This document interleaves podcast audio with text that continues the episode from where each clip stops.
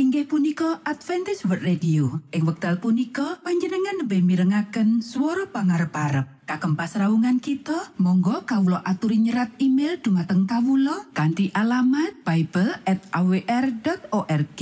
utawi panjenengan uki saged layanan kalian Kawulo lumantar WhatsApp kanti nomor plus setunggal saged layanan kalian Kawulo kalh kalh sekawan kalh kalh kalh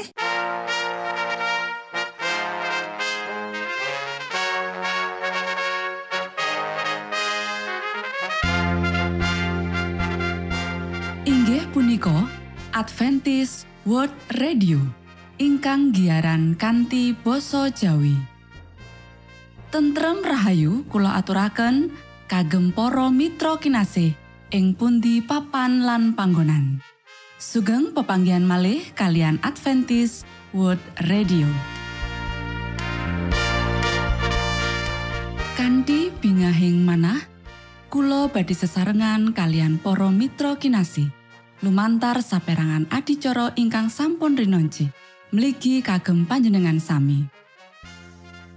Mugi giaran punika saged migunani tuen dados berkah kagem kita sedoyo. Sugeng midhangetaken Gusti amberkahi.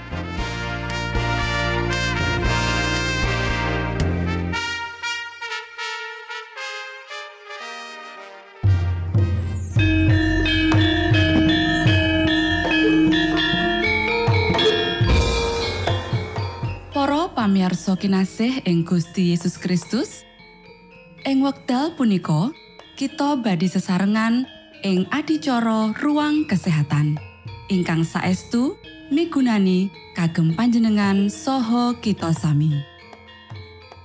Tips utawi pitedah ingkang dipun aturaken ing program punika tetales dawuhipun Gusti ingkang dipunnyatakaken ing kitab suci.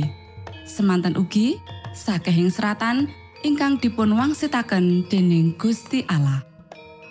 Nanging saderengipun, monggo kita sami midhangetaken kidung pujian.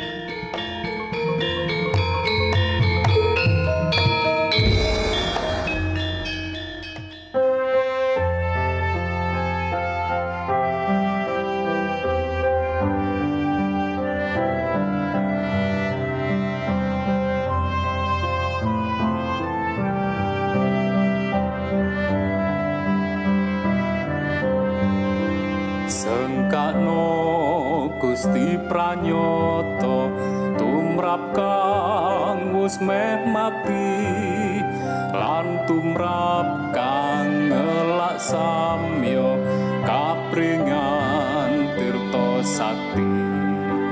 Manah kang asor lan suci Gusti mirsa lan nampi kang samyo wuto ing antuk pandulu mukti sengkakno asmeng pamarto ing ajenging projalmi sinupre mratobat samyo dados wargane Gusti sengkakno Gusti pranyata juru wilujeng jalmi mreh Gusti kapinanggih tumrap ingkang matosi kata tiang saking sami ngupati mreh basuki.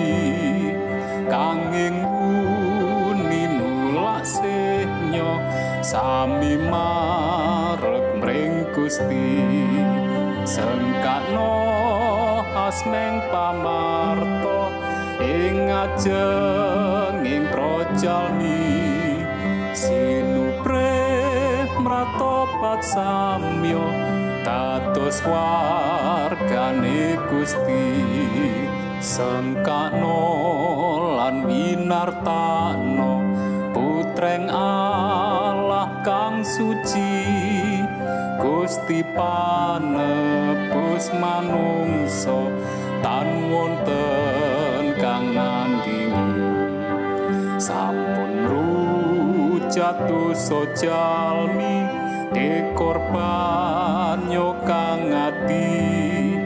Saoso puji gustinyo juru wilujeng jati. Sengkakno asmeng pamarto ing ajenging projalmi sinupre mratobat samyo dados wargane Gusti. Sengkakno lan winartano putreng Allah kang suci Gusti panebus manungso tan wonten kang ngandini sampun rujatu sojalmi dikurban yo kang ati saoso puji Gustinyo juru wilujeng jati. Sengkakno asmeng pamarto ing ajenging projalmi. Sinupre mratobat samyo dados wargane Gusti.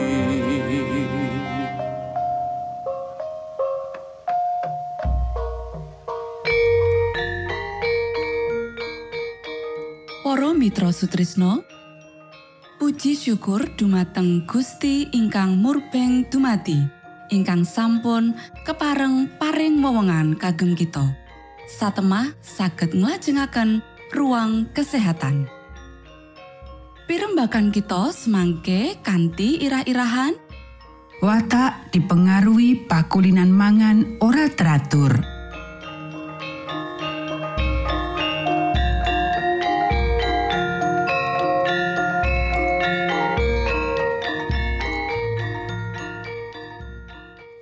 Dumateng para pamiarsa ingkang dahat kinurmatan, sugeng pepanggihan malih kalian kula Isti Kurnaidi ing adicara ruang kesehatan. Ing dinten punika kanthi irah-irahan watak dipengaruhi pakulinan mangan ora teratur. Para sedherek ingkang kinasih, ewonan wong sing manjakake selera sing salah sawise mangan gedhen kaya dene sing dheweke sebutake, mula timbul akibat kaya mriyang utawa pirang-pirang werna leloron nemen liyane mengkono uga pepati. Iku kasenengan sing dituku kanthi rega sing larang. Nanging akeh wong sing nindakake lan wong-wong sing mateni awake dhewe iku dinyatakake dening pidato dening kanca-kanca lan pandhita menawa dheweke bakal langsung mlebu swarga nalika mati. Sawijining pamikiran sing hebat. Apa ana kamurkan ing swarga? Ora. Ora. Bab kang kaya mangkono iku ora tau lumebu ing gapuraning kutane Allah kang digawe saka emas. Bab kang kaya mangkono iku ora tau kaluhurane ing sisih tengene Gusti Yesus. Juru wilujeng sing endah, manungsa Golgota sing sengsara, sing kabeh kesange yaiku kebak panyingkur diri lan pangorbanan. Wong-wong kaya iku etuk papan ing antarane golongan sing ora pantes, sing ora entuk bagian sakjroning panguripan sing luwih becik yaiku warisan langgeng. Para sederek akeh wong sing rusak watake dhewe kanthi pakulinan mangan ora teratur. Kita kudu ngati-ati nyinaoni masalah reformasi kesehatan kaya dene kita nyediakake pasinaon ing sekolah kanthi sampurno. Amarga pakulinan sing kita bentuk sakjroning bab iki bisa mitulungi kita sakjroning pembentukan watak ing besuke. Mula yaiku mungkin kanggo sawijining wong kanggo ngrusak pengalaman karohanen kanthi nyalahgunakake weteng. Para sederek ing ngendi pakulinan mangan wis dimanjakake, pakaryan reformasi ojo diundur ing kono. Menawa panyalahgunaane weteng gawa akibat leloro, kita kudu mbudidaya kanthi teliti kanggo ngopeni sisa tenaga sakjroning badan kita kanthi buang saben momotan sing ngeboti. Mbok menawa weteng iku ora bisa diwarasake kanthi sampurno sakwise wektu sing cukup suwe, nanging cara mangan sing teratur bakal nyelametake wong iku saka ketiban sing luwih jero. Akeh wong sing dipulihake kanthi cara cepet utawa alon, sampurno utawa ora. Ora gampang kanggo nggawe siji peraturan sing cocok kanggo saben masalah. Nanging menawa prinsip panganan sing bener dikatekake, reformasi gede dilakokake. Mula juru masak ora perlu maneh kerja abot sak teruse kanggo nggodha selera. Wong sing mangan kanthi cara sing prasaja bakal entuk ganjaran kekuatan mental lan moral. Iku uga nulungi dheweke sakjroning pengendalian nepsu. Para sederek, kita kudu milih bahan panganan sing paling apik kanggo nyukupi sari panganan sing diperlokake sakjroning pembentukan badan. Sakjroning bab milih, selera dudu sing dadi patokan. Kanthi pakulinan mangan sing salah, selera wis dirusakake. Selera iki asring nuntut jenis panganan sing rusak kesehatan, sing nyebabake keringkihan, dudu nekakake kekuatan. Kita ora bisa dipengaruhi dening kepuasan masyarakat. Leloro lan kasangsaran sing ana ing endi-endi akeh dipengaruhi dening kesalahan umum sesambungan cara mangan. Para sederek, kita bisa nyadari sakwutuhe piolo sing diakibatake dening mangan ora teratur mung menawa kita wis nggatekake prinsip urip sehat. Sakwise nyadari kaluputane, Dheweke sing wani ngowah pakulinane bakal ngentuki menawa proses reformasi merlokake sawijining pergumulan lan akeh kesabaran. Nanging menawa selera sing bener sepisan dibentuk, dheweke bakal nyadari menawa panggunaan panganan sing maune dheweke anggap ora mbayani bakal nyelehake dasar leloro weteng lan leloro liyane kanthi cara alon nanging mesti. Matur nuwun, Gusti amberkahi.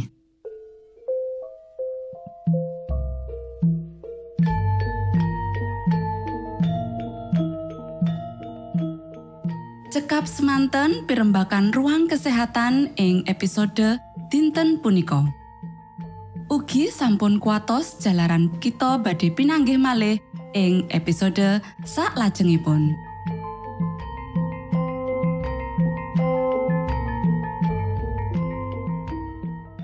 inggih punika adicara ruang kesehatan.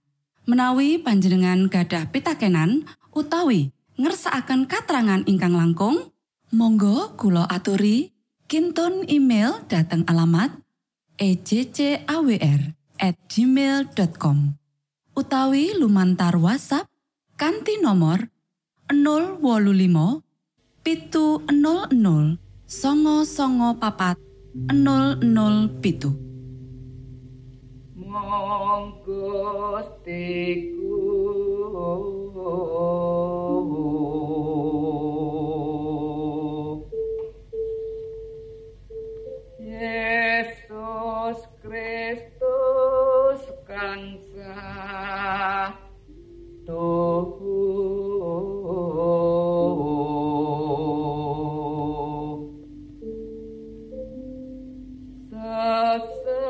Sesembahan kita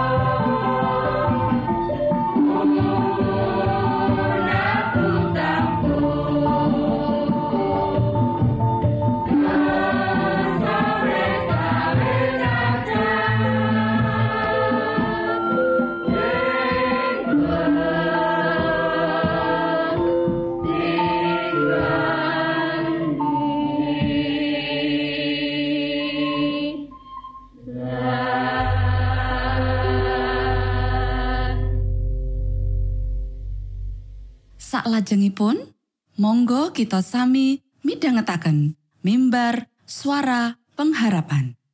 Angkat kanti pawarto Sang Kristus paderamu Pro umat samyo puji asmanyo Sang Kristus paderamu Inggih punika mimbar suara pengharapan. Ing episode punika kanthi irah-irahan Nompo kanggo menehi. sugeng midhangetaken. minangka tondo Sang Kristus paderamu ilmu kawero tambah tambah Sang Kristus paderamu paderamu paderamu Sang Kristus paderamu Shalom para sedherek ingkang kinasih wonten ing Gusti. Sakmenika kita badhe mitangetaken renungan Sabda pangandikanipun Gusti. Ing dinten punika kanthi irah-irahan nampa kanggo menehi. Para sedherek ingkang kinasih, Sabda pangandikanipun Gusti ing kitab Yohanes pasal 6 ayat 11 yaiku Gusti Yesus tumuli mundut roti mau lan sawise saos syukur banjur dientum-tum marang kang padha linggih ing kono. Mangkono uga iwake sakarepe oleh arep padha mangan. Para sedherek ingkang kinasih, kanthi mujizat iki Sang Kristus wis nuduhake kepiye pakaryan misionaris kudu nyawiji karo pelatusan Sabto. Gusti ora mung maringi panganan rohani marang wong akeh iku, kanthi siji mujizat panjenengane uga nyawisake panganan donya kanggo maremake rasa luwe badan. Para sederek peparing kang ambeksih mirmo iki biyantu tembung-tembung kayekten sing panjenengane ngandikake tetep ana ing pikirane wong akeh iku. Kanthi mujizat iki, Sang Kristus ngersakake mulang kita kayekten pangandikane. Tanpa aku, kowe ora bisa nindakake opo-opo. Panjenengane ya iku sumbering kekuatan sing maringi kabeh berkah donya lan rohani. Panjenengane nggunakake manungsa minangka rewang makaryo, maringi bagian kanggo tumindak bareng karo panjenengane minangka tangan pitulungane. Para sedherek ingkang kinasih, kita nampa saka panjenengane ora nyimpen kanggo marme dhewe, nanging kanggo menehi marang wong liya. Nalika nindakake pakaryan iki, aja nganggep menawa kita kudu nampa kamulyan. Kabeh kamulyan kudu diaturake marang Sang Pangageng sing Maha Agung. Para sakabat ora oleh kamulyan merga maringi mangan 5000 wong. Para sakabat mung piranti sing digunakake dening Gusti Allah. Para sederek, panjenengane pangageng sing Maha Agung ora sare. Panjenengane terus-terusan nindakake pakaryan kanggo larase kaleksanan saka karsane. Panjenengane maringi kita bakat supaya kita bisa makarya bebarengan karo panjenengane. Kita kudu tansah eling yen kita mung piranti ing astane. Para sedherek ingkang kinasih, kabeh wong sing wis nampa Sang Kristus kanthi temenan ora bakal seneng ngrasakake sih kamirahan ilahi tanpa menehi marang wong liya kabungahan sing nyenengake nyawane. Lelati sing paling murni lan paling suci yaiku pambudidaya sing sregep lan ora mikir awake dhewe kanggo keslametane wong sing ana ing jaba kandang. Wong-wong sing menehi kasugihan sih rahmat swarga marang wong liya mengko bakal dadi sugih. Wong lanang lan wadon bisa nggayuh tingkat pangembangan mental lan moral sing paling dhuwur mung kanthi makarya bebarengan karo Gusti Yesus ing pambudidaya sing ora mikir awake dhewe kanggo kabecikan wong liya.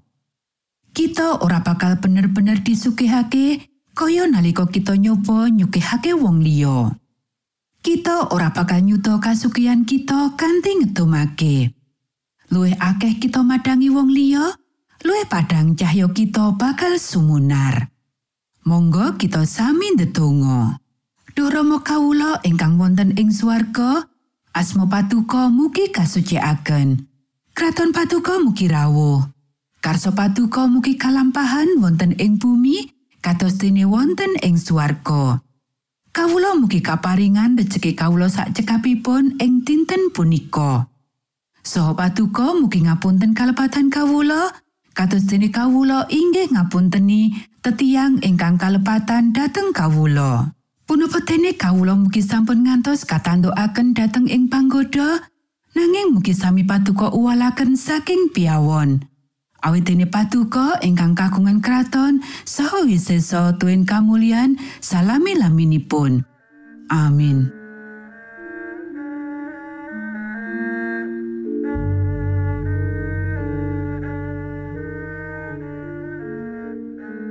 Para Mitra Sutrisno pamiarsa kinasih ing Gusti Yesus Kristus sampun paripurno pasamuan kita ing dinten punika menawi panjenengan gadah pitakenan utawi ngersakaken seri pelajaran Alkitab suara nubuatan Monggo Kulo aturi kinton email dateng alamat ejcawr gmail.com utawi lumantar WhatsApp kanti nomor 025 pitu 00 songo songo papat 00 pitu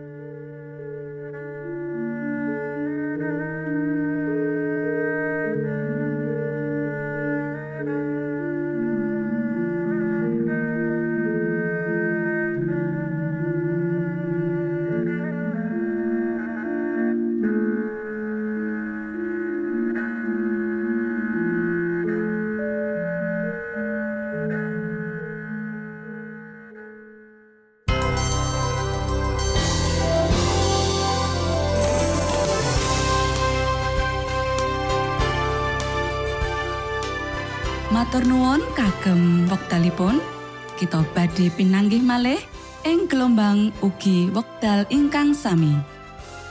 Saking studio kula ngaturaken tentrem rahayu. Gusti amberkahi kita sedaya. Maranata.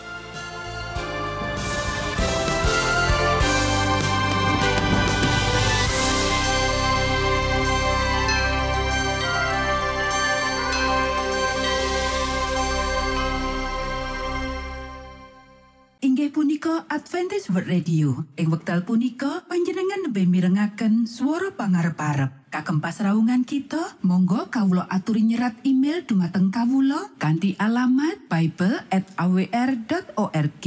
Utawi panjenengan ugi saged layanan kalian kawula lumantar WhatsApp kanthi nomor plus setunggal saged layanan kalian kawula kalih kalih sekawan kalih kalih kalih